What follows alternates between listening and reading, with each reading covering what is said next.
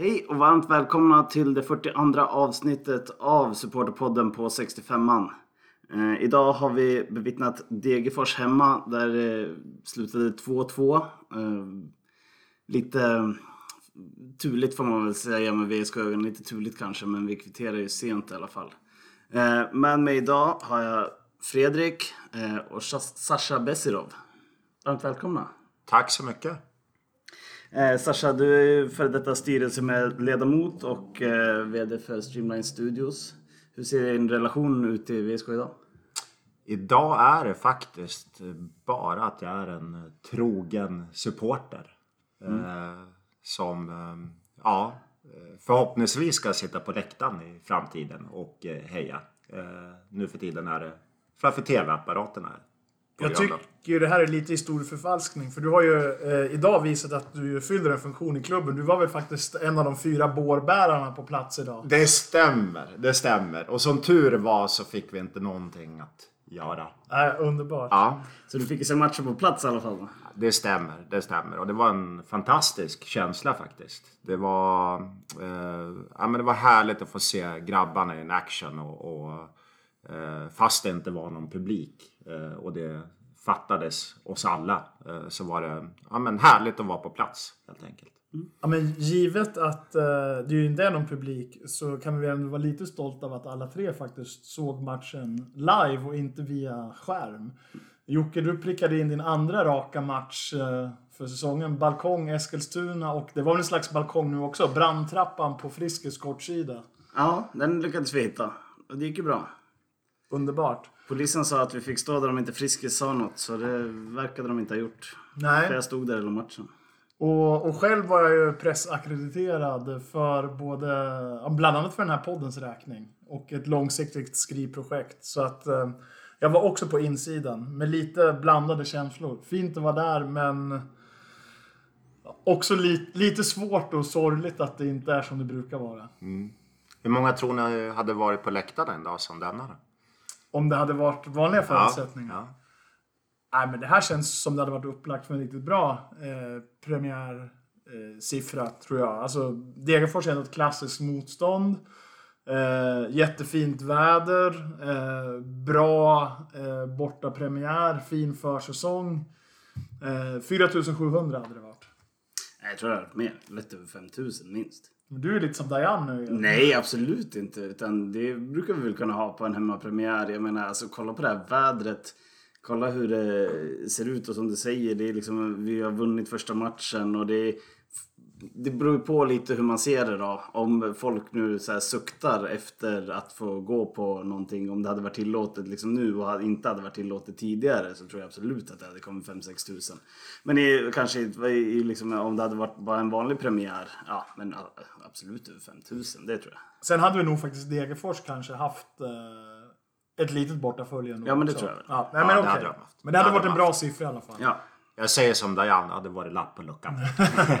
var, det, var det en bra hemmapremiär då? Spelmässigt, det som hände på plan? Alltså jag tycker att vi, vi gjorde det bra fram till målet eh, i första halvlek. Eh, och sen så tycker jag vi tappade lite och det känns så himla onödigt att gå till halvtidsvila med underläge. Ja, jag vet inte. Det, vi liksom, det känns som två onödiga mål. Vi har ju lite kontroll på matchen i början men sen så liksom på något sätt går vi ner oss och släpper in två mål. Sen i andra tycker jag att vi är helt okej okay igen och eh, skapar en hel del chanser. Jag menar Bryans stolpskott, eh, alltså där ska ju bara lägga in den. Det är ju typ mer eller mindre öppet mål. Målvakten har lagt sig i ena hörnet. Eh, så får vi in 2-2 på slutet i alla fall. Då. Sen är det väl skönt men ja. Och då tackar vi för den här genomgången av hela matchen. Varsågoda. Men om vi ska börja med det första målet. Sasha, hur, eh, hur såg du det? Nej, men det var ju, det var ju David som drog en eh, dräpande crossboll efter marken. Eh, till, var det Skog? Som kombinerade sig fram eh, och fick tillbaka bollen och la den jättesnyggt till Filip som inte gjorde några misstag. Så att, nej, det var otroligt högt Eh, tempo på bollen där och det var ett jättefint mål. Det var det och Filip eh, firade fint eh, upp mot brandbalkongen framför Friskis med slängkyssar och hjärtformade fingrar. Ja. Det var ett väldigt fint eh, anfall och ett kliniskt avslut. Men annars så tyckte jag nog att... Nu hör ni också att hela stan är på tå. Jag vet inte, men på gatan går i alla fall folk och skanderar Hallå, hallå, vi är VSK. Jag vet inte, jag tycker att vi väl egentligen en klubb som är lite större än att vi ska behöva fira 2-2 hemma mot Degerfors som om vi har gått upp till Allsvenskan. Jocke, du får live-kommentera. Vad är det du ser där utanför? Nej, det är Simon och grabbarna. Ja, okej. Okay, underbart. Uh, nej, men... Uh, jag tyckte annars att... Uh, det var rätt mycket som gick att känna igen i första halvlek. Av hur försäsongen såg ut och hur bortapremiären såg ut. Vi är väldigt så här, konsekventa i den här höga pressen. Ja. Askebrandt är väldigt aktiv i att försöka liksom få den på plats. Och det tycker jag är bra och positivt. Jag var en som kräktes, eller förlåt, kräktes, det var lite tuntigt. Men var ondgjorde mig en hel del över eh, vårt eh, ganska impotenta possession-spel i fjol. Så jag tycker om det här rakare och lite mer intensiva spelet.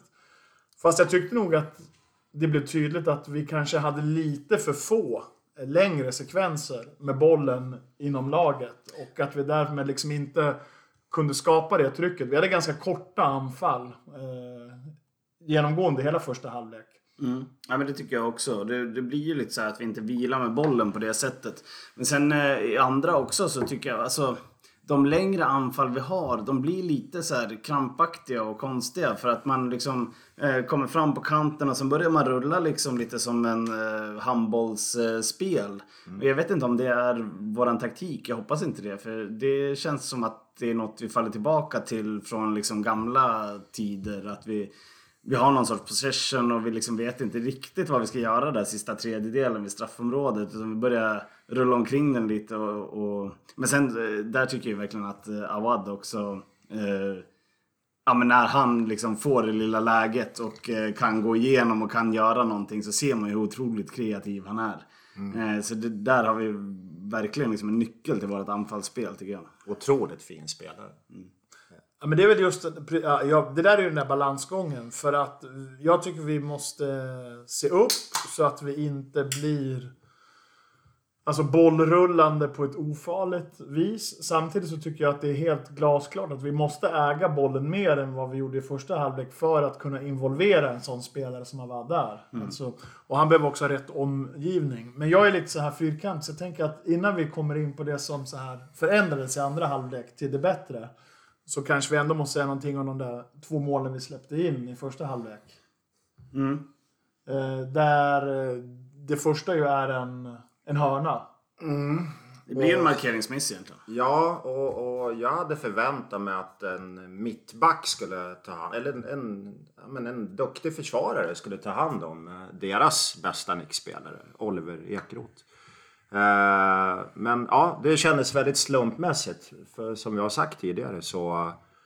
Ja, men jag tycker vi spelar jättebra fram till deras 1-1 mål. Eh, det var två väldigt bra lag som ställde upp där och som eh, hade bestämt sig för att inte vika ner sig. Och jag tycker att vi drog längsta strået där. Jag tycker att vi liksom vann 50-50 duellerna. Vi kombinerade oss ur och ställde om väldigt bra och så vidare. Så jag tycker vi hade kontroll plus 1-0 i ryggen. Och så kommer det där målet. Eh, och det är ju aldrig kul att släppa in mål på hörna. Eh, och sen kommer ju ja, tvåan som ett brev på posten. Då. Så att eh, det kändes väldigt, väldigt jobbigt i det läget. Vad tycker du om 2-1 målet då? Ja, det var också så här. Var det slarvigt? Var det inte? Alltså, jag har lite svårt att bestämma mig liksom om, om vi hade kunnat gjort det bättre. Liksom. Mm. Vad tycker ni? Jag tycker att båda målen är onödiga. Alltså det är svårt att kalla dem för dundertabbar. Men jag tycker att, att vi inte kan fånga in Ekrot eh, på hörna.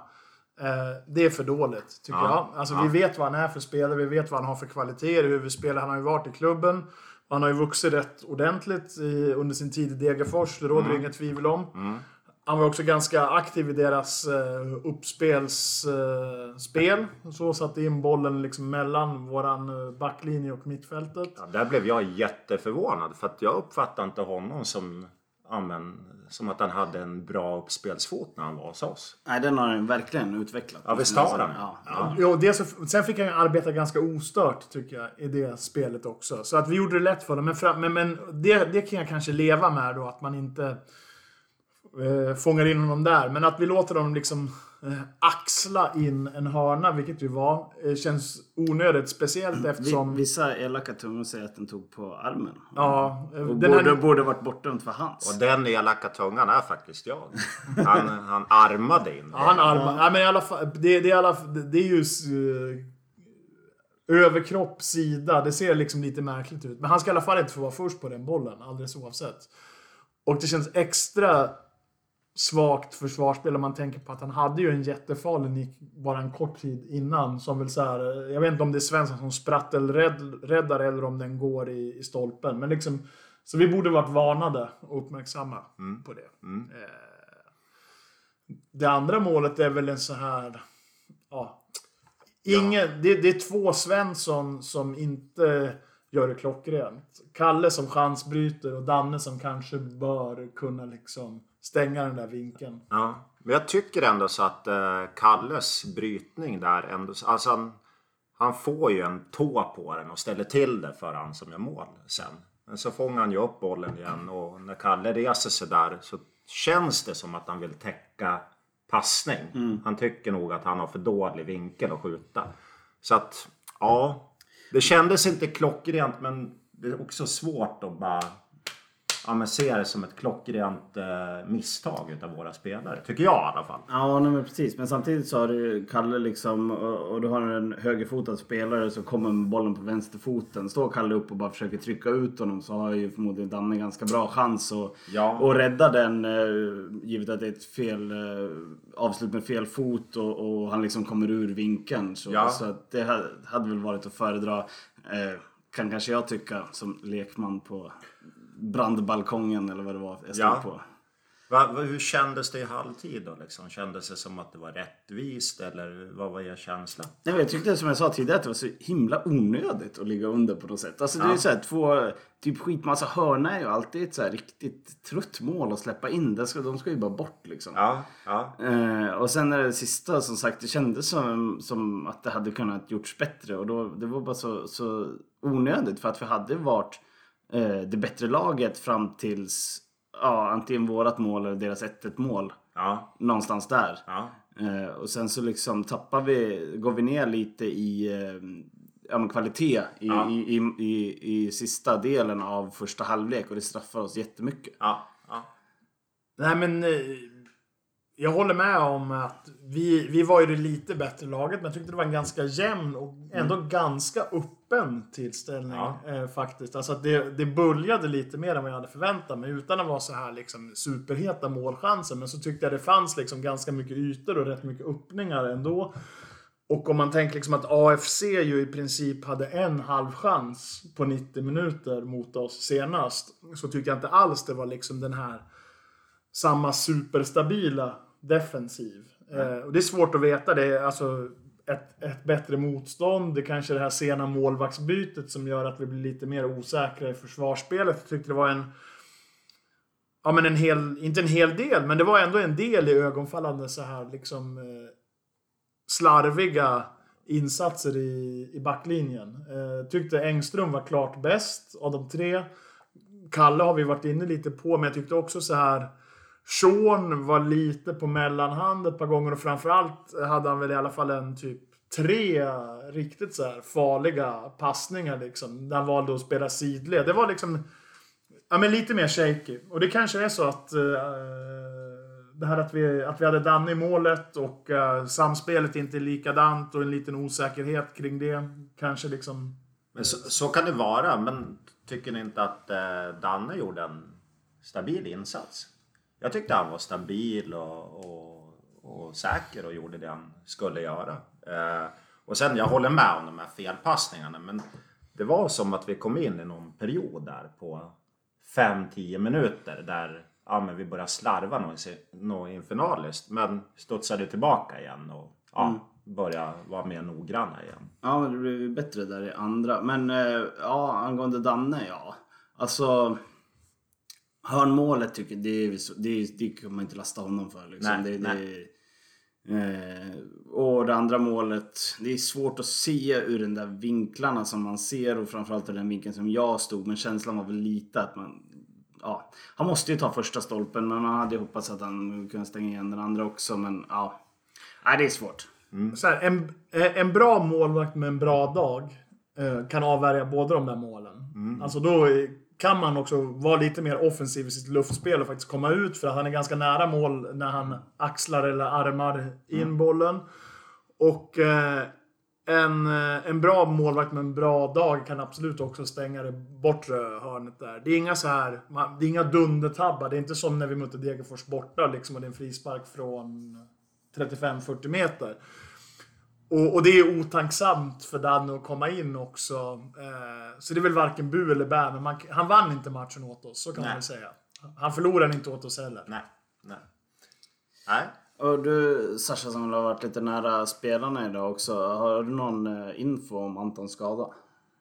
Nej, eh, faktiskt inte. Utan eh, eh, det enda jag hörde det var något rykte som gick på läktaren om att det var någon baksida eller någonting. Liksom. Men, men eh, jag fick inte bekräfta. När jag ställde någon följdfråga så, så fick jag inte...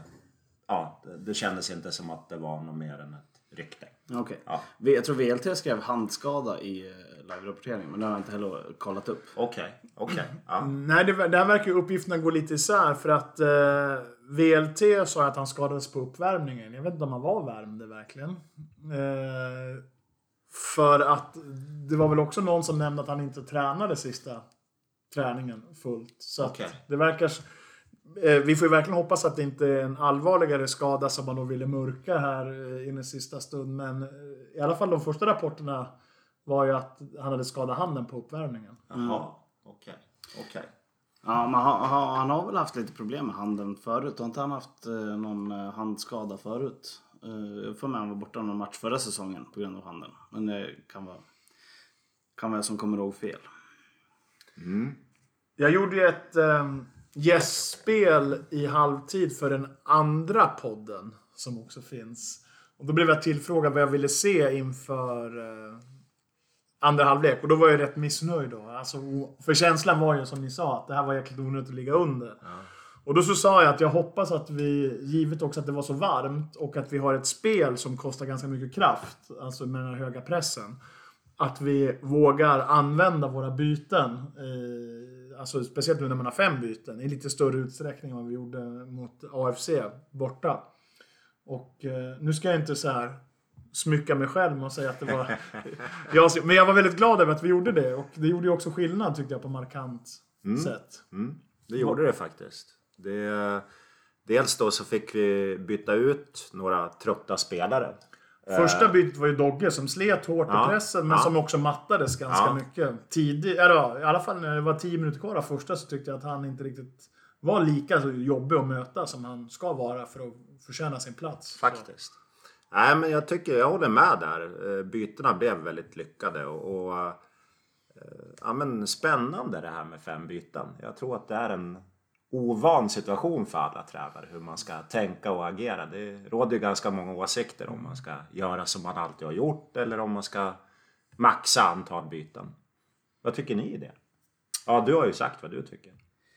Eh, nej men eh, alltså just det här med att göra byten, alltså det, det tycker jag väl att man borde utnyttja i, i den mån man kan. Eh, jag förstår ju lite vad Askebrand är inne på, så han uttalar sig i VLT efter AFC-matchen att eh, man kan inte bara byta för bytandets skull och det ska man ju såklart inte göra heller men samtidigt vill man hålla en hyfsat intakt startelva så, så är det nog bra att byta ut en hel del av startspelarna eller liksom rotera för att kunna eh, få dem vila, dem att vila lite nu när det är så tätt matchande. Så liksom, det är väl klart att man ska försöka utnyttja det så mycket som man kan. Men det är väl klart att det är en, det är en omställning om man har haft ett mindset i hela sitt tränarliv och sen så helt plötsligt så, så kommer det andra premisser. Det, det är väl självklart att det blir lite eh, svårt att, att anpassa sig efter det. Men det, det tycker jag väl att man bör försöka göra. För det, det, är väl helt klart en fördel att kunna byta in fler spelare. Det borde det vara. Det blev ju skitbra idag. Mm. Ja, det tycker jag. Verkligen. Verkligen. och det är också en av in, in, eh, inhopparna som avgör. Exakt. Ja, men det Två av inhopparna som avgör egentligen om man tänker Sporrongs nerbröstning. Ja, just det. Just det. Nej, men jag tyckte att by bytena betyder ju jättemycket idag. Först vill jag säga, jag tycker inte alls att man ska byta bara för bytandets skull. Alltså mot AFC så tyckte jag det fanns liksom goda argument för att hålla kvar mm. vid den uppställningen. För den var stabil och de hade orken kvar. Och de, Askebrandt sa ju själv att de hade förberett ett byte på eh, på Dogge. Men så tyckte de att han liksom fick tillbaka energin i liksom mm. löpningen och kunde stänga ner de där ytorna han skulle göra i sitt pressspel. Så det, det var väl liksom helt eh, fine. Men nu när ju ändå spelet liksom gick lite i, i stå så var det jävligt bra att vi utnyttjade det. Mm. Alltså dels handlar det om att vi, de spelare vi fick in, men så tyckte jag att de bytena vi gjorde lyfte ju också en del andra spelare som var på plan. Och då tänker jag framförallt på, på Avad som ju efter det att vi gjorde dubbelbytet eh, och satte in eh, Simon och eh, Span, Span ja. så fick ju helt plötsligt Avad två lekkamrater att kombinera med. Mm. vilket gjorde att han kom in väldigt, väldigt mycket mer och hade ju liksom ja, men ett tiotal riktigt så här högkvalificerade insatser. Mm. Antingen där han liksom själv tog avslut eller kombinerade sig fram. Mm. Så att eh, det lyfte ju anfallsspelet rätt ordentligt. Verkligen. Verkligen. Och det är så att, jag menar, det, det, det, känns faktiskt som att det är väldigt länge sedan vi hade den spetskompetensen i laget som, som Avad besitter. Mm. Och eh, då, då blir det ju liksom en, en uppgift och en utmaning och Eh, liksom inkludera honom i spelet. Och han var för isolerad i första. Absolut, absolut. Och, och, det känns ju ibland, jag förstår ju att man inte kan göra så, men det känns ju som att man ja, men, borde ge bollen till honom hela, hela tiden. Liksom. För då händer det jävligt spännande saker. Men, eh, nej, men det är en otroligt fin spelare och, och aktionen innan stolpskottet som han gjorde, det tycker jag får en att tänka på eh, ja, men VM 94 och en viss Romario från no. Brasilien. Liksom, där han bara svävar igenom eh, försvaret och smeker eh, in bollen tänkte jag säga. Men han smekte bollen in i stolpen. Han flyter på ett otroligt fint sätt när han har liksom det steget. Och hur den inte kan få gå in, det är helt otroligt. Alltså det, den liksom tar i stolpen och sen spinner sig utanför på andra sidan. Ja. Det, Alltså mer stolpens insida går det fan inte att träffa. Nej, det gör det inte. Det var ju till och med så, jag vet inte om du uppmärksammade det Fredrik, du satt ju bakom mig på läktaren.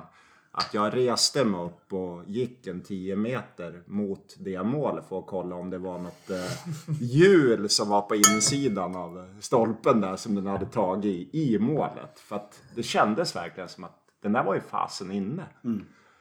Nej, det var en otrolig aktion. Sen tycker jag liksom kombinationsspelet eh, med eh, Brian Span. Span också sköt i stolpen. Ja, verkligen. Det var ju också väldigt, väldigt fint. Och även utav Span fram till att han då ja, jag älskar Brian Spann, men vi kan väl ändå säga att han borde ha tofflat in bollen. Det, det, var ju det kan vi ett, säga. Det var ett minst ett halvt mål öppet. Ja, gud ja. Han, liksom, han gör det ju bra på det sättet att han liksom får målvakten att lägga sig och sen ska han bara lägga in den i mer eller mindre öppet mål. Du ja. från Friskis-balkongen måste ju nästan ha stått precis i linje bakom honom när han fick det läget. Ja, inte riktigt. Men... Äh, men såg du hur mycket öppning det var där eller? Nej, no, det ska vi inte säga att jag gjorde. Det är ju liksom helt på andra sidan så det, det är ju ganska långt bort. Plus att han står liksom på, på vänstersidan av målet. Vi stod ju lite mer på högersidan. Men det kändes ju helt klart som att eh, det fanns väldigt mycket att lägga in bollen på.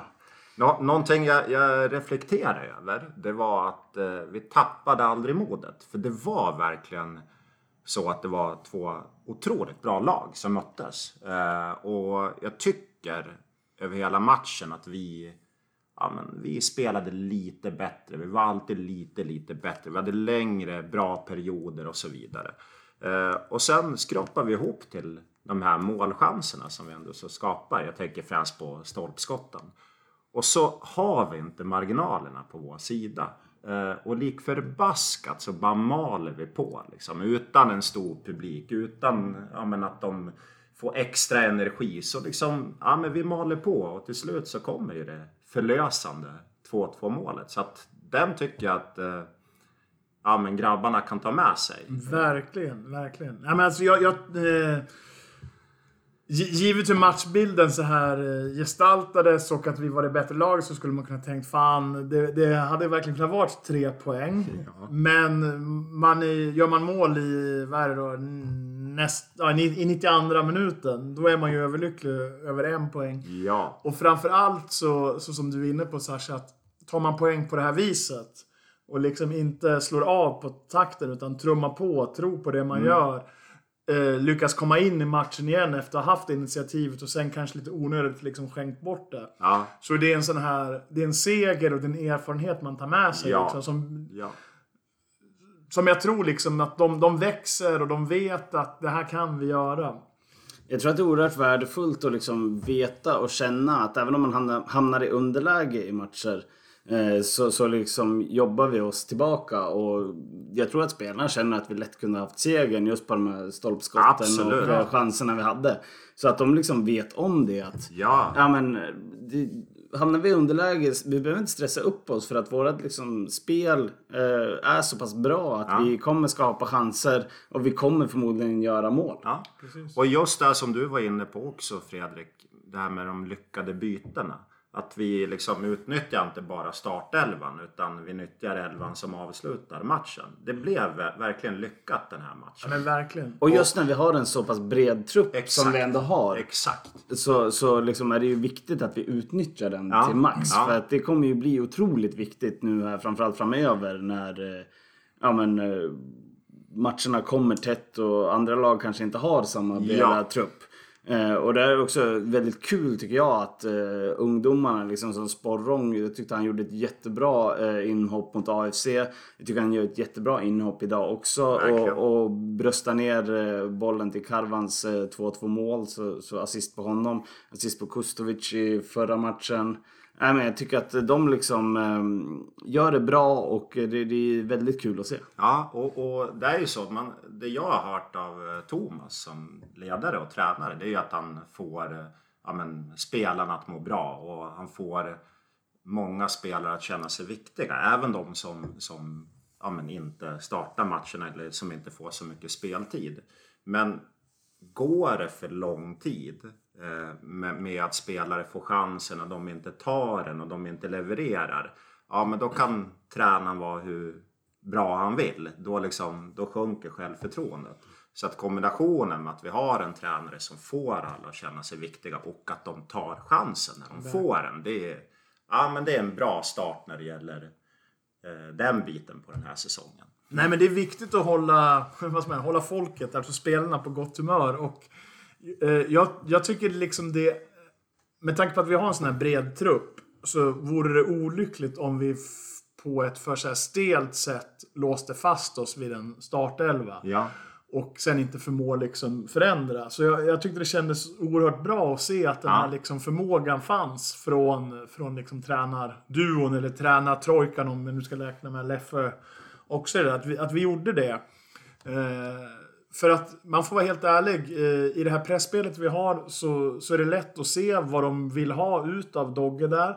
Men när Dogge idag inte liksom hade sin allra, allra bästa dag och eh, eh, det mer kreativa spelet inte funkar. För man kan ju säga vad man vill. Dogge bidrar med mycket energi. Mm. Men i passningsspelet och kombinationsspelet så har han en del kvar. Så tycker jag det var oerhört bra att man gjorde det här. Och jag menar, Karvan kom in och levererade också. Mm. Det är mm. underbart. Och, och Karvan hade ju inte så mycket boll innan. Han hade ju en, en nedtagning som han missade. Eh, och så hade han någon bollkontakt till. Eh, innan han fick det där skottläget. Eh, det är ju extra bra gjort av Karvan att eh, ja, men få till det tekniskt sett som han fick till det på det skottet. Fast han var liksom, han hade inte varit med så mycket i matchen. Det känns som att det är ett svårt tekniskt nummer att få till det där och det, det jag trodde ju inte den skulle sitta när den lämnade foten, men Nej. den bara borrar sig upp. Alltså, definitivt inte efter alla stolpskott vi hade haft innan. Nej, alltså jag satt eh, ganska mycket i, i, i, linje bakom karvan och eh, var ganska säker på att den skulle gå två, tre, kanske fyra meter utanför. Ja, ja, ja. Och då är det ändå, Och nu när jag såg den på, på tv-klippet efteråt så är han ju inte lika långt ut som jag trodde. Jag trodde han var en bra bit utanför straffområdet, men han är ju faktiskt med till och med innanför straffområdesgränsen när han skjuter. Så hur, jag, hur, hur bollen liksom hinner ta den här liksom böjen på, på så kort eh, sträcka. Det, Det kändes ju som att både Brians stolpskott och Avads stolpskott var ja, men mycket mer... Eh, att, men man var mer säker på att de skulle gå i mål. Verkligen. Än, än Karvans. Liksom. Och så går Karvans i mål. Det var, ja, det var Men det en är, också, underbar alltså, känsla. det är också så underbart. eh, jag vet inte om han heter nu Sporrong eller Sporong. Jag säger alltid Sporong, men det, det är, spelar mindre roll. Men hans nedbrustning där, den är så jäkla vuxen. Och han är så, jag tyckte att när han kom in mot AFC borta så förlorade han inte en närkamp där ute på, på kanten. Och nu känns han också så otroligt rejäl i spelet. Och eh, han bygger ju vidare på de där väldigt fina inhoppen han hade i, i fjol. Eh, Det finns mycket energi och det finns mycket vilja i det där. Ja, men klokhet. Det, känns, det har alltid känts som att det är en vuxen man i en ung grabbs I kropp. barns kropp. Ja, men faktiskt. faktiskt. Jag tycker alltid att han har gjort väldigt, väldigt kloka, in, äh, kloka inhopp. Eller kloka starter när han väl har fått starta ibland. Liksom. Hur, hur gammal är han? Jag tror han är ja, 21 kanske. Jag skulle också Eller? säga 21, men eh, nu gissar vi fritt. Vi är Ja. ju inte, eh, vi är ju varken en taktikpodd eller en statistikpodd, utan vi Nej. är ju en supporterpodd. Men vi, vi giss, Sporrong ser ut att vara 21. Ja, 21, Jag tror- jag tror 21 han- och ett halvt. Jag tror han är yngre. Tror ni? Kustovic är 20. Är han? Nej, men jag tror faktiskt Sporrong är äh, äldre än vad man tror. Han skulle, jag, jag tror att han är mer åt, eh, han är mer 23 än Tyck- Kostovic. Eh, nu har vi ju igen varit så här, Det förra avsnittet hette ju Alla var bra. Eh, och nu är vi ändå ganska nöjda. Jag vet inte. 2-2 är ju helt okej hemma. Framförallt mot Degerfors som liksom såg riktigt vassa ut mot Brage. Jag tycker att eh, de ser inte alls lika vassa ut som, som de gjorde då när de vinner med 4-1. Eh, och Brage hamnar ju ändå på kvalplats. Eh, och var uppe i Allsvenskan en sväng när Östersund var degraderade. Så att eh, Brage eh, tror jag inte är helt dåliga. Så jag tror att ändå det liksom, i slutändan kan visa sig vara en väldigt bra insats. Det här sa vi ju efter AFC-matchen också. För jag tror att det är ganska många lag som kommer få det svårt mot AFC. Eh, och att AFC kommer bli bättre under resans gång. Och att de har nog med individuell kvalitet för att eh, plocka sina poäng. Eh, men det, det jag ville komma till var... Vi har ändå varit ganska nöjda. Speciellt nöjda med eh, förmågan att ändra matchbilden och inte ge upp. Eh, är det något eh, förutom de onödiga baklängesmålen som vi är missnöjda med? Om vi ska liksom gräva ner oss lite mer så här i enskild spelarkritik. Enskild spelarkritik vet jag inte, men alltså jag... Ja, det, det, jag har lite problem med det här som vi var inne på tidigare. Att vi inte ha så mycket possession. Alltså vi behöver inte ha possession för possessionets skull. Men ibland så är det ju trevligt att kunna vila med bollen. Och ibland så känns det som att när vi vilar med bollen så blir det bara liksom eh, pannkaka, typ. Vi vet inte riktigt vad vi ska göra utan våran styrka är liksom kontringar eller komma till snabbt eh, avslut och liksom det ska vara rakt spel så pang, pang, pang. Eh, men när vi får liksom eh, tillfälle att hålla i bollen en liten stund så tycker jag att det är lite svårt att se vad vi vill göra av den. Eh, och, och, och att vi har lite liksom så här halv eh, svårt med kreativiteten där. Att vi bara liksom passar runt den lite och det, det blir lite konstigt. Du skulle vilja ha en kombination av eh, förra årets spel och årets spel. Ja, Lite oftare. ja. Ja. ja. Eh, Skog tycker jag har eh, visat att han är den här ganska svåra wingback-rollen vuxen. Eh, hans offensiva kvaliteter har vi ju liksom känt till. Eh, tycker han idag mot ett liksom lite tuffare motstånd ju också visar att han gör jobbet hemåt. Eh, hur tyckte ni det såg ut på andra kanten där ju eh, Täty eh, gjorde sin debut för året? Eller för säsongen i alla fall. Ja, men jag gillar ju Täti. Eh, det känns som att det är en all-in-spelare. Eh, som inte lägger några fingrar emellan. Och så har han... Ja men det lilla jag har sett då så tycker jag att det finns kvalitet. Eh, men idag så... Ja, men han gör ingen dålig match, men jag tror att han förväntar sig mer utav sig själv. Och jag tror att vi kan förvänta oss mer utav honom också. Det var ju väldigt diplomatiskt för att vara en supporterpodd. Ja, jag får fan eh, ta bort de här diplomatiska glasögonen. Men eh, nej, men... Nej, men, jag, ja, men som jag säger egentligen. Alltså jag tror att han... Vi kan förvänta oss mer av honom. Vad säger du Jocke? Eh, Jag har inte reagerat på att han skulle varit eh, speciellt dålig. Eh, Jag försöker tänka efter nu. Och, och liksom, men jag tyckte inte han utmärkte sig egentligen på något sätt, varken positivt eller negativt.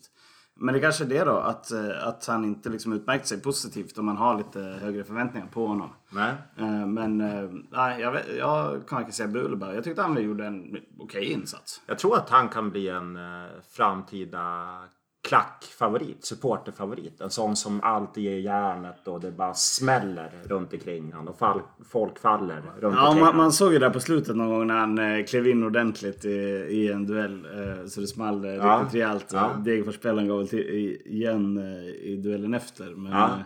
ja, ja det, det gillar man ju att se. Det gör man ju.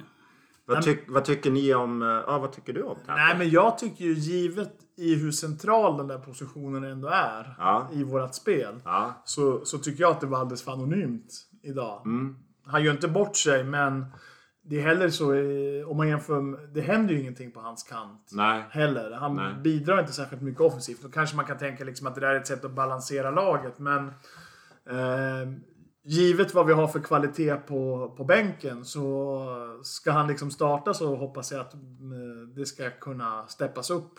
Ja, men det kommer det göra. Det kommer. Jag tycker han visar lite i träningsmatcherna. eh, att det finns mycket att förvänta sig där liksom. Vad tycker vi om inne mittfälten? Ribeiro och Hellgren. Ja. Eh, jag tycker att Ribeiro, alltså... Han har, han har en otroligt speciell spelstil måste man säga. Ja. Eh, det ser ut som att det går väldigt långsamt men på något sätt så får han ofta med sig bollen och ibland så liksom kan han också göra eh, ja, ruscher kan man väl kalla det men han, han kommer eh, framåt på ett relativt snabbt sätt som eh, det ser inte ut att gå så fort men det verkar göra det Ja. eftersom de andra spelarna inte hinner med. Eh, så nej men jag tycker att eh, det är he- helt klart eh, ett uppköp på mittfältet och honom. Men, Alltså, jag skulle vilja säga att han är bolltrygg. Men ibland så ser det lite speciellt ut. Men han tappar ju sällan bollen. Så det är liksom... Ja, men det... Det känns som att han gör en bra insats. Så Hellgren eh, gör en Hellgren-insats. Alltså det, det är okej. men det är inte så jättemycket mer. Eh, ja, men Ribeiro tycker jag du eh, sätter fingret på. Eh, han gör absolut inte bort sig. Han känns stabil. Han förlorar nästan inga bollar. Eh, Men vi ser det lite flaxigt ut på något sätt. Eller liksom, Ja. Det är lite... Någonting är väl lite off. jo, men, han, men det, är väl, det är väl kanske för att den är liksom udda att vara liksom stor och teknisk på samma gång. Eh, men, men om man skulle få önska något så är det väl kanske då att han... Det är ganska sällan han slår en... eh, En avgörande pass med någon slags risk. Så, utan... eh,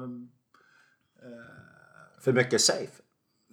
Eller? Jag menar att det här liksom att helt enkelt spela igenom liksom motståndarens försvarslinje gör Ja. han inte så ofta. Utan Nej. ibland så kanske liksom den passningen skulle kunna komma lite snabbare eller vara lite mer liksom Ja. eh, cutting edge. Eh, men, men jag känner mig trygg med, med att vi ska ha honom på den Ja. positionen. Ja. Men är det liksom deras uppgift då? Eller så här, ska de mer vara de som vinner bollen och sen levererar de ut till wingbacks eller liksom bara ganska kort eh, passning? Jag vet inte. Det, det vet ju inte vi, för vi Nej. är ju inte en taktikpodd. eh, men, eh, nej, men, men, men det känns väldigt bra att ha honom i laget. Och, och med Hellgren kan jag fan inte... Jag kan aldrig bestämma mig med Hellgren. Ja, jag, jag, Jag kan aldrig liksom så här tänka att shit, vad vi än spelar så kommer Hellgren vara med. Och det är för att vi inte har förstått Hellgrens storhet. Eller så är det så här. Shit, vad vi än spelar så är Hellgren med. Fast egentligen borde vi ha gjort oss av med honom. Nu, nu, nu liksom extrapolerar jag och drar liksom ytterligare till sin spets. Eh, Men ibland så tycker jag att det händer kanske lite för lite. Samtidigt så tror jag han är otro... Han är, verkar vara jävligt jobbig att möta. Eh, och jag minns när, när vi spelade division 1. Och speciellt under Mjällbytiden, när vi hade så här hela havet stormar offensiv.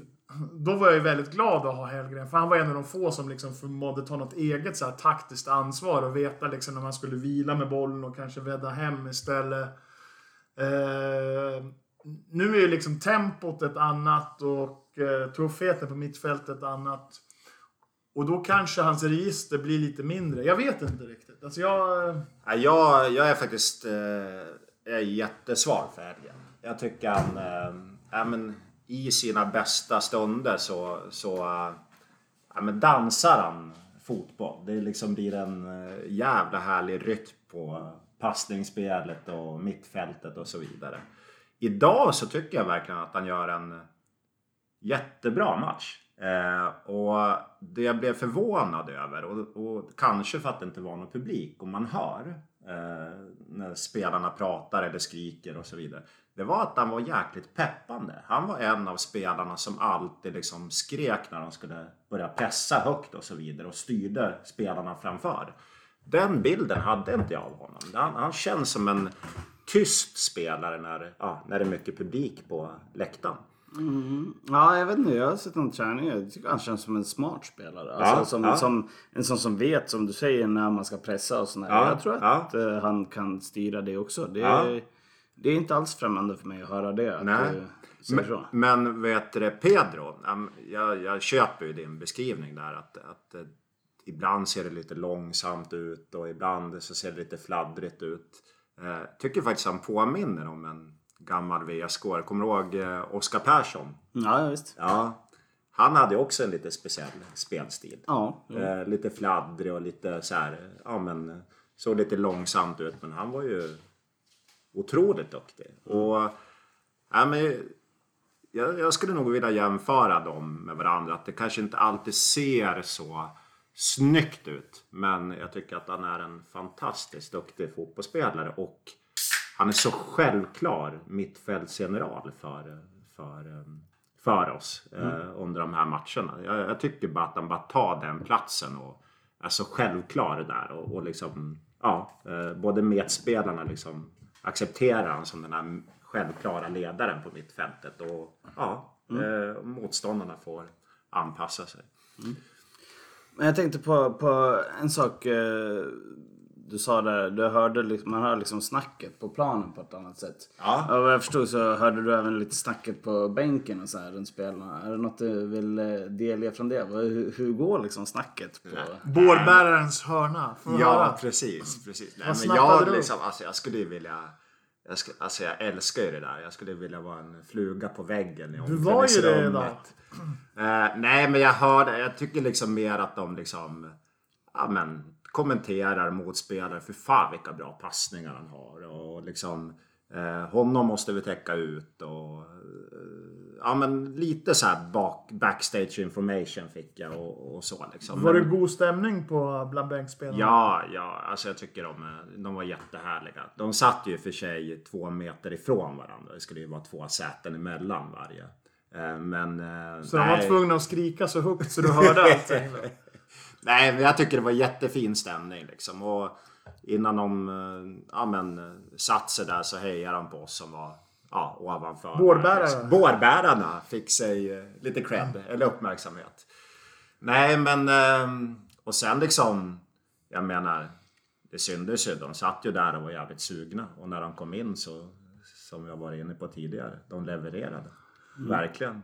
Nå- någon annan som hördes ordentligt på parken idag, det var ju igen då Thomas Askebrandt. Jag måste säga att det är ju... Jag, jag, jag, blir väldigt så här glad ändå av att vi har ett, eh, en sån engagerad tränare. Även om jag ibland undrar om han pratar mest för sin egen skull eller för spelarnas skull. Men det spelar ingen roll. Han är där liksom. och Han lägger väldigt mycket krut på att liksom så här peppa dem i pressspelet liksom. Och, ja ett brett ljudregister har han liksom med, med många olika läten. Liksom ibland liksom så här klickljud närmast när de ska fram. Eh, och sen så eh, tyckte jag också det var underbart att se att, jag vet inte om ni noterade det, det var väl i första halvlek när det var en sekvens där Engström fick väl en hand eller någonting i ansiktet. Och Arm, armbåge såg det ut som från ja. brandtrappan. Där borta på 150 meters avstånd. Ja. I alla fall så, så var han indisponibel för, för liksom ett litet tag. Han blev behandlad på plan och fick sen kliva av. Och då på en gång, i det här liksom spelarbrottet som uppstod, då klev Kalle Karlsson ut.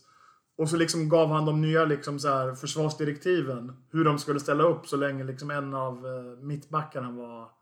Det var, var då Oliver nickade i stolpen. Mm. Så att... Uh, du menar att det var dåliga direktiv? Det var dåliga direktiv. Ja, nej men eh, jag håller med dig där och det var eh, en grej som jag, jag tycker han har så härlig dialekt Thomas också så att eh, det var någon situation då han blev eh, ja, men väldigt upprörd över att domaren inte blåste och så gick han ju till fjärde domaren och ja, men såg lite upprörd ut och så pratade han ganska högt och tydligt och så liksom ja, men en, en vanlig människa skulle ju kanske ja, men han skulle ju låta upprörd där. Men inte Thomas. Han lät jättetrevlig fast han var upprörd.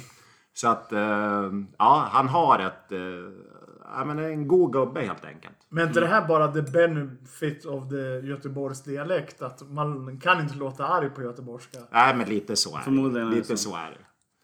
Men visst känns det ändå härligt att uh, vi har uh, tränat... Alltså för att i, i fjol var det ju lite frustrerande. Med, med, både vad gäller byten och mm. engagemang från, från bänken. Under en del av säsongen åtminstone. Mm. Att eh, det känns som att eh, Askebrandt har kommit in bra. Mm. Och eh, att de verkar fin, liksom komplettera varandra bra på bänken. Med, mm. med Kalle Karlsson som den, liksom, den taktiska mm. nörden och detaljerna. Och så Leffe som är den som liksom förvaltar arvet och känner spelarna sedan mm. länge och så. Att... Han är väl Players Manager, Leffe? Mm. Är han inte det? Jag, trodde, jag, har ju bara trott att det i världshistorien bara har funnits en enda Players Manager någonsin och det var Albeck. Och jag vet inte om det är någonting att sträva efter att bli, men vi får kalla honom vad han vill. Men jag tycker det känns fint att de är där, de där tre ihop. Ja, faktiskt. Jag vet faktiskt. inte vad jag grundar det här på egentligen, mer än att det känns bra. Ja, men kan inte det få räcka då? Ja. För oss? Liksom att vi uppfattar Eftersom det inte vi är en taktikpodd. Nej, exakt. exakt. Och ändå har vi nu pratat i typ 45 minuter om matchen. Så eh, kanske vi känner att det räcker med det också för idag. Ja. Men eh, nu när vi ändå har dig här Sasha som har varit med i styrelsen och så här. Eh, skulle du kunna berätta lite om så här, styrelsearbete? Hur ser ett eh, normalt styrelsemöte ut? Uh. Finns det något normalt styrelsemöte? Ja, men det gör det väl. Det finns ju alltid en dagordning. Ja, jo, det ja. hoppas jag. Och så innan det så skickar man ju in punkter och hej och hå liksom. Eh, och sen, eh, ja men jag kan ju bara prata för den styrelsen som jag satt i och det var ju inte årets När var det då? Ja men det var väl år 2018 var det va? 2018. Jag hoppas att du har koll på den. Ja, jag var väl med och föreslog det att bli invald. Så, ja, ja. ja, men jag är ganska säker på att det var... Det, var, det är inte det här, den här styrelsen som har varit, utan styrelsen det. innan. Ja. Eh, nej, men alltså... Jag tycker ju om när det finns, när det är högt i tak. Mm. Eh, att eh, vi var väl sex eh, i styrelsen och eh, eh, det var aldrig så att samma två personer gick omkring och höll med varann i varje fråga på dagordningen. Utan ena frågan kunde jag liksom, ja men eh, Eh, tycka som dig. I nästa fråga så är vi ja, varandras motståndare i det. Det tycker jag liksom skapar en dynamik och liksom ja, men, ja, men en dynamik som är bra för en, ja, för en grupp helt enkelt. Eh, och nej, men, det är väl som vilken grupp som helst. Eh, man får upp frågor på dagordningen och eh, man försöker verkligen, verkligen liksom göra sitt eh, bästa och ta de bästa typen av beslut för klubben mm. som man arbetar för. Liksom. Diplomatisk, diplomatiskt svar men liksom, ja, ska man ska man förklara det lite kort så, så ja, är det ungefär så. Mm. Vilka frågor eh, brann du för? Liksom, försökte du driva i styrelsearbetet? Nej, men min spetskompetens är ju försäljning. Eh, sen var det så att eh, eh, jag av olika anledningar valde själv att inte ansvara för det. Eh, eh, och då ansvarade jag för kommunikation och ja, kommunikation framför allt då. då. Mm. Men sen var det ju så. Vi liksom, det var inte så att jag satt där på min kommunikationskant och bara uttalade mig när det var sådana frågor. Utan alla tyckte och tänkte och liksom la in sin kompetens i samtliga frågor. Och var väldigt, väldigt engagerade. Mm. Så att eh, jag tycker någonstans att eh, det året som ja, vi tog över, då hade det varit ganska mycket kalabalik och liksom det var väldigt mycket misströstan mellan supportrar, sponsorer, klubben och ja, hej och hå liksom. Och vår främsta uppgift var väl att eh, ta tillbaka förtroendet lite grann och skapa lite lugn och ro och liksom möta upp på de delar som, eh, ja, men som tidigare styrelse hade blivit kritiserade för. Mm. Eh, och ja, men vi gjorde säkert massor med fel men jag tycker också att vi ja, gjorde en jävla massa bra saker och framförallt då liksom bidrog med att skapa ett lugn i, i klubben. Liksom, fast vi blev utsatta för väldigt svåra situationer. Mm. Eh, det var liksom ja, men det var ju det året eh, vi bytte tränare mitt i säsongen. Det var det året vi avbröt samarbetet med banden och så vidare. Så att eh, vi ställdes inför väldigt, väldigt svåra eh, ja, men frågeställningar och beslut som, som hur vi än gjorde så skulle det göra väldigt ont för klubben. Eh, mm. Eh, både ekonomiskt och eh, varumärkesmässigt och så liksom. Men eh, eh, ja, jag tycker ändå så att vi gjorde så bra som vi någonsin kunde göra det i alla fall. Liksom. Hur eh, gick det liksom mer konkret till där, när, när ni avbröt samarbetet med bandyn? Hur, vilka var det som lyfte det? Var det, var det fotbollen eller var, hur? Nej, men jag tror att ganska tidigt så kom bägge klubbarna fram till att det här var inget bra. Eh, tanken med bandysamarbetet var att 1 plus 1 skulle bli 3 och, och när vi tittade, när vi liksom gick in i klubben och kollade alla siffror så såg ju vi vad det levererade till oss. Och det blev ju så att 1 plus 1 blev ju nästan minus 1. Mm. Eh, och det är ju självklart inte bra för oss. Eh, men sen var det ju inte bara att kliva ur samarbetet utan det är så otroligt många faktorer som spelar in. Det var ett plåster som satt hårt som hade etablerats i många år som skulle dras av. Och frågan var hela tiden, ska man dra av det snabbt eller ska man dra av det sakta och så vidare. Och ja, hur, vilket beslut man än hade tagit så hade det funnits en massa rätt och en massa fel. Liksom. Men vi valde väl att eh, ja, låta det gå ett halvår och sen eh, hade väl vi bestämt oss. Och parallellt med detta så hade ju banden också Eh, kommer kommit fram till samma sak. Så det blev ju ja, men så bra det kan bli vid en skilsmässa. Så bra blev det. Eh, alltså det blev inte världens skandalrubriker i tidningarna och så vidare och så vidare. Utan det blev rubriker, absolut. Och det är ett misslyckande för bägge klubbarna. Men eh, det la sig ganska snabbt, gjorde det. Hur kommer det sig att du som ändå har, som du sa, liksom din spetskompetens inom sälj inte jobbade med det inom styrelsen? För att jag trodde inte på samarbetet. Det var bara rakt alltså? Ja, så att eh, då tyckte jag att det var bättre att någon som eh, trodde på, på det här fick ha den ansvarspucken. Så att inte jag liksom blev en käpp i hjulet. För det är bättre att eh, man ger 100% på något som, på en modell som kanske är 50% eller 60% än att, hela, än att eh, ja, jag ska komma in där och liksom vara ja, negativ och bakåtsträvare på en modell som kanske ja, är 50 procentig. Så att eh, ja, lite sådana liksom. Och vi gav det ett försök. Jag liksom, från att jag backade från den ansvarspositionen så vi gav det verkligen ett rejält försök från bägge klubbarna. Och alltså, ja men ett nytt försök liksom. Vi såg ju redan ganska tidigt att det inte var bra. Men eh, nej, det, siffrorna gick lite uppåt, lite här och där liksom. Men eh, det blev inte som båda klubbarna hade. Vad var det som inte var bra då? Ja, ja men... Eh, jag tänker att eh, eh, både banden och fotbollen har större möjlighet att eh, skräddarsy paketeringar utefter den ja, men idrotten och den nivån man är på, det intresset som är runt respektive klubb och man får göra det på varsitt håll.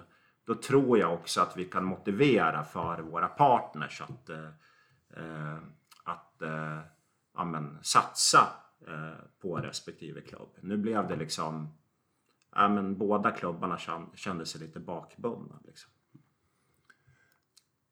Jag skulle vilja fråga en, en av de största problemen kanske med eh, styrelsearbetet under lång tid i VSK har mm. väl varit bristen på kontinuitet. Ja. Att det har varit många omtag och det här har jag liksom ju både känt av och kanske i någon mån bidragit till eftersom jag har varit del i valberedningen. Men ibland får man ju inte allt som man vill när man är valberedare. Nej. Eh, jag var ju till exempel väldigt glad när du tackade ja att ställa upp till eh, och ingå i valberedningens förslag som sen då bekräftades av medlemmarna på årsmötet. Det är ju så vi jobbar. Det är ju inte valberedningen som utser styrelseledamöter.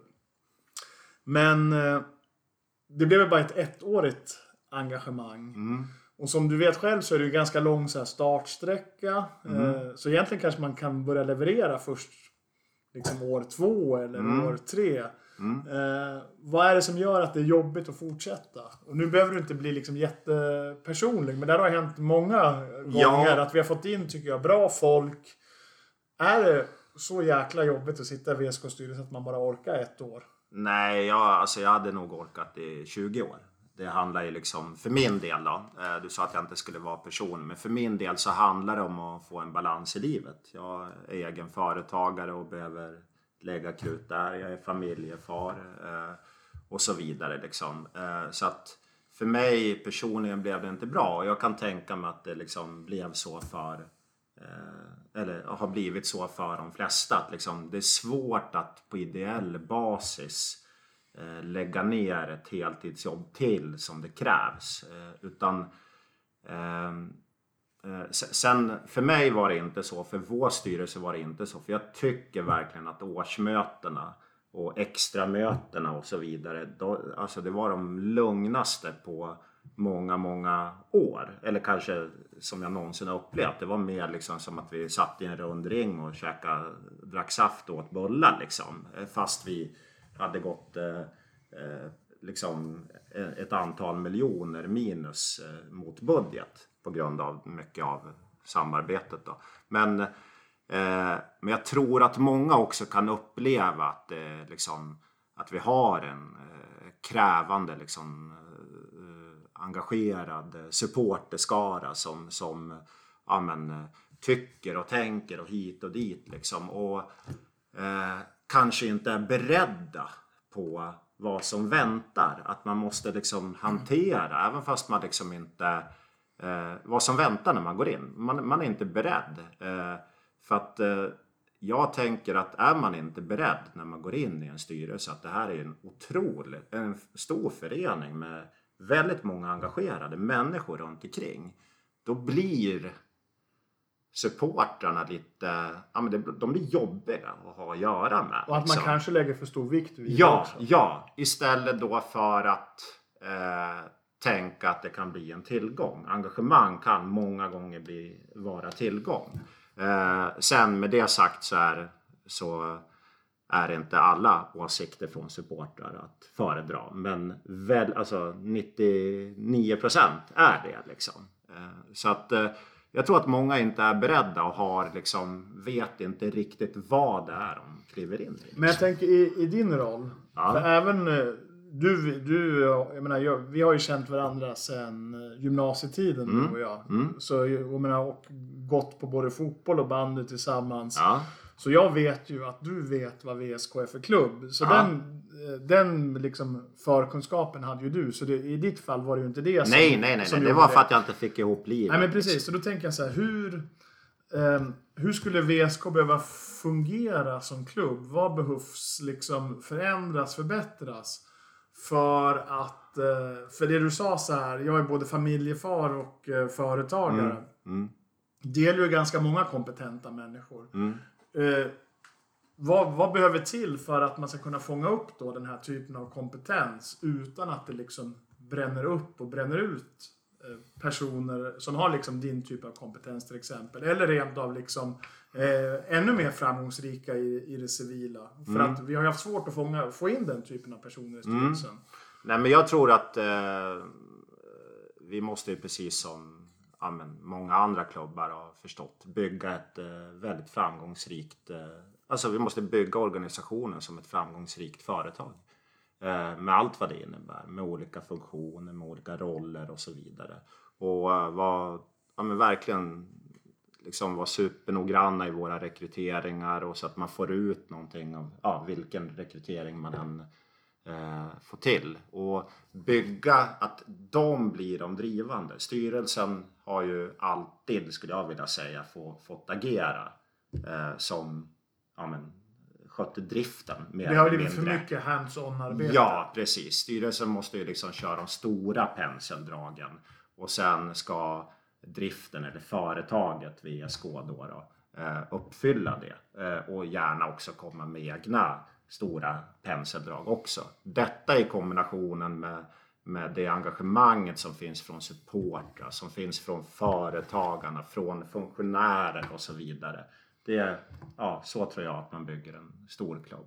Men vi, kort och gott, eh, vi behöver, jag tycker att klubben är i ett läge nu där vi måste lycka, lyckas bygga ett, eh, en bra organisation, alltså personalen helt enkelt, som eh, ja, byggs som ett framgångsrikt företag tror att det kan vara hämmande det här eh, engagemanget från olika mm, delar av föreningen. Dels supportrar och dels liksom sponsorer och företagare kan ju också vara. Ja, ja det tror jag att det kan vara. Just på grund av att många inte vet vad de sätter sig in i. Men också liksom att... Eh, ja, det, jag säger det. Jag, ty jag tycker verkligen att engagemang är nästan jämt positivt liksom. Men eh, sen finns det engagemang som är negativt också. Och jag menar att vi behöver bli en tillräckligt stor klubb så att inte två, tre, fyra personers åsikt blir så otroligt tunga. Utan att det blir en åsikt men klubben står sig så, så pass stark så att liksom, ja, det blir en, en fråga kanske som ska lösas men inte mer än så. Inte att klubben ska vackla eller skaka eller ja, vad det nu må vara. Vad tycker du om eh, styrelseförslaget som har kommit nu då? Jag antar att du har läst det? Ja, nej men jag tycker, alltså, jag är alltid positiv när det kommer eh, nya styrelsemänniskor. Eh, men... Eh, Satt du i samma styrelse som Anna Sjödin och Anders Tengström? Eller var det, nej, det året, året, efter. året efter. Ja, året mm. efter. Nej, men jag, jag tycker, jag känner till några utav dem. Eh, och eh, jag tycker att det är väldigt kompetenta människor. Är mm. Men kompetens är inte det enda man ja, måste ha. Utan det måste finnas liksom Ja men det måste smälta ihop bra alltihopa. Mm. Alltså allt ifrån alltså att styrelsen och personalen och ja, att det finns en förståelse och en ja, bra rytm i det hela. Så att eh, eh, men ja, jag, jag, är positiv idag i alla fall till det. Ja, ja. Men det gäller också att eh, eh man... Eh, ja, alltså, och jag tänker inte på de här specifika nya medlemmarna utan jag tänker liksom, alltså styrelsemedlemmarna utan jag tänker överlag liksom. Jag, man måste ge varandra chansen. Jag tänker att klubben har gått 5 miljoner minus nu efter, Eh, efter budget. Eh, och eh, skulle jag hoppa in i den här styrelsen då skulle jag gå in, ner i driften och ställa tusen frågor för att sätta mig in i varenda detalj i det här. Och det tror jag också att de här kommer att göra. Och då gäller det också för de som arbetar i klubben att inte ta ja, men, illa upp utan liksom verkligen öppna upp och liksom, ja, eh, visa hur vi jobbar och vilket fantastiskt arbete de gör. Liksom. Det skulle vara en eh, bra början, tror jag. För det var, det var egentligen min nästa fråga också, vad, vad du tänker kring det här att vi liksom mer eller mindre blödit pengar i flera, flera år. Eh, hur, hur, tänker du liksom kring att vi har gjort det och hur ska man stoppa den? Ja, ja nej, men jag, jag tycker ju faktiskt att eh, den blödningen startades ju för ett antal år sedan. Ja. Eh, och jag tycker att eh, ja, men det har ju visat sig både för banden och fotbollen att samarbetet är en stor orsak till att, att eh, vi inte har liksom lyckats bygga på varsitt håll och bygga upp ett bra ja, men, nätverk av sponsorer och förtroende och allt vad det är. Liksom. Men sen, sen eh, vad var frågan? Jag tappade frågan. Eh, det, det, dels hur du såg liksom, på blödningen i allmänhet, Ja, och ja, ekonomin och, ja. Sen, och sen hur man ska stoppa den. Ja, nej men jag, jag tänker liksom att eh, jag har faktiskt, eh, alltså när den bollen har börjat rulla. Det är inte liksom en styrelse eller två styrelseår som stoppar den bollen. Utan det, det får liksom gå från att man går 5 miljoner minus, alltså ett budgeterat resultat, till 3, till 1, till en miljon plus. Det är liksom en ganska lång resa. Precis, så var ju Och- och tanken det här, också. Och det, här, och det här året var eh, det året vi skulle eh, ja, men gå något plus minus noll. Då, liksom. Och så blev det inte. Men jag, jag tror ju att ja, men det här, ja, men det här att det är ett år försenat. Liksom. Att, vi, att eh, nuvarande styrelse liksom, ja, men, olika anledningar har gjort att de inte har gått i mål med organisationen och så vidare. Det är nästa år, vi, det, det är så jag vill tro. Liksom. Jo, men är det liksom realistiskt att tro det när vi, vi hade budgeterat var det 3 miljoner minus? Vi gick, var det 8 miljoner minus? Ja, det är mycket. Ja, det är mycket. mycket. Jag- och då, jag förstår ju. Och är det då realistiskt att säga att det här året ska vi gå plus minus noll? Du, du, du, jag förstår din poäng med att vi ska trappa ner. Men det gör vi ju inte. Vi trappade ju upp. Mm, nej, jag, jag, eh, jag förstår alla klagomål där, eh, och all, allt missnöje. Jag, är ju, jag är ju, blev ju själv missnöjd såklart liksom, över det. Eh, Jag hade hoppats liksom, att det fanns någonting som gjorde att vi hamnade på ja, men det budgeterade resultatet. Men... Eh, eh, och jag vill ju tro det bara är ett år försenat. Jag är för dåligt insatt eftersom jag inte är med i styrelsen nu. Liksom. Jag, jag, hoppas, jag vill verkligen tro att ja, men det de håller på att bygga nu i driften, det ska ta oss till att nå de resultat vi vill ja, nå. Tror du det? Jag är för dåligt insatt och så har det varit för stora missar tidigare för att jag, ska, jag sk- skulle tycka att det var en vild gissning. Liksom. Men jag hoppas ju såklart, precis som alla andra. Alltså jag tycker nog man kan missa budget på lite olika vis. Ja. Eh, det ena är ju att eh, man kanske inte säljer så mycket som man hade hoppats på eller Ja. budgeterat för. Ja. Det är eh, på något vis illa nog. Och det har ju varit ett sorgebarn. Alltså det är intäktssidan som, eh, som i alla fall sett över lite längre tid har varit vår svagaste punkt. Ja. Ändå. Men det här senaste året, eh, då tycker jag faktiskt att det mest uppseendeväckande är ju bristen på kostnadskontroll. För att det här var ju ändå en styrelse som efter liksom ett par ögonfallande minusresultat gick ut och sa att den här gången ska vi hålla budget. Och är det då så att intäktssidan blir lidande, att man missar liksom sina marknadsmål. Det kan bero på en massa, det kan ju till och med vara legitima skäl till det. Men då måste man kunna parera. Då måste man ha den typen av liksom kontinuerlig uppföljning, att man drar i bromsen på någon annan sida. Och Visst, det finns vissa typer av utgifter som kan vara svåra att förutse. Men rätt många kan man förutse. Och framförallt har man ett ordentligt ekonomistyrningssystem och en, liksom en månatlig uppföljning.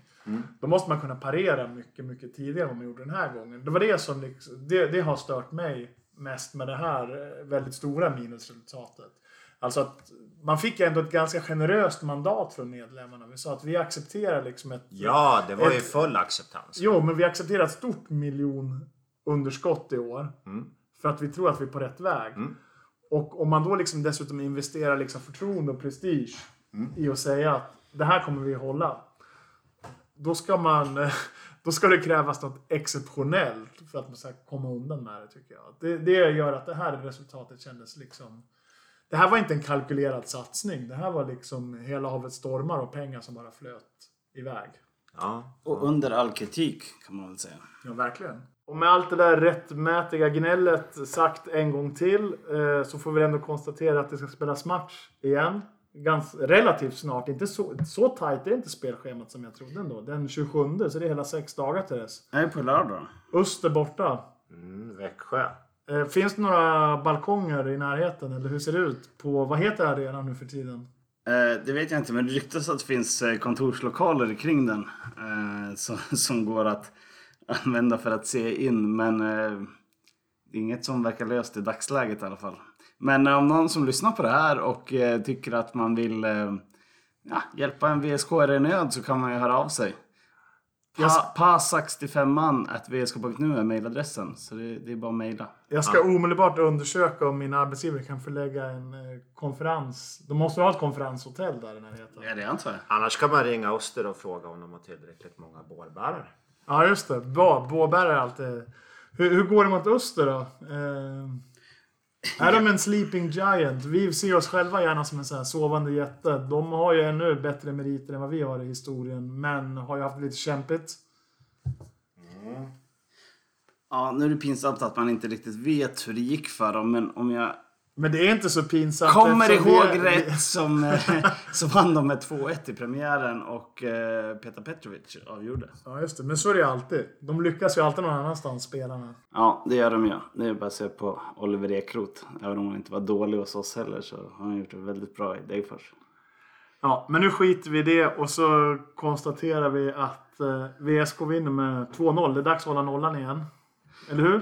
Ja, det får vi hoppas. Ja, och så eftersom vi inte är en taktikpodd så kan vi inte spå in i framtiden utan vi säger väl som vi brukar säga när det är dags att sätta punkt. Heja sport! Heja sport! Heja sport!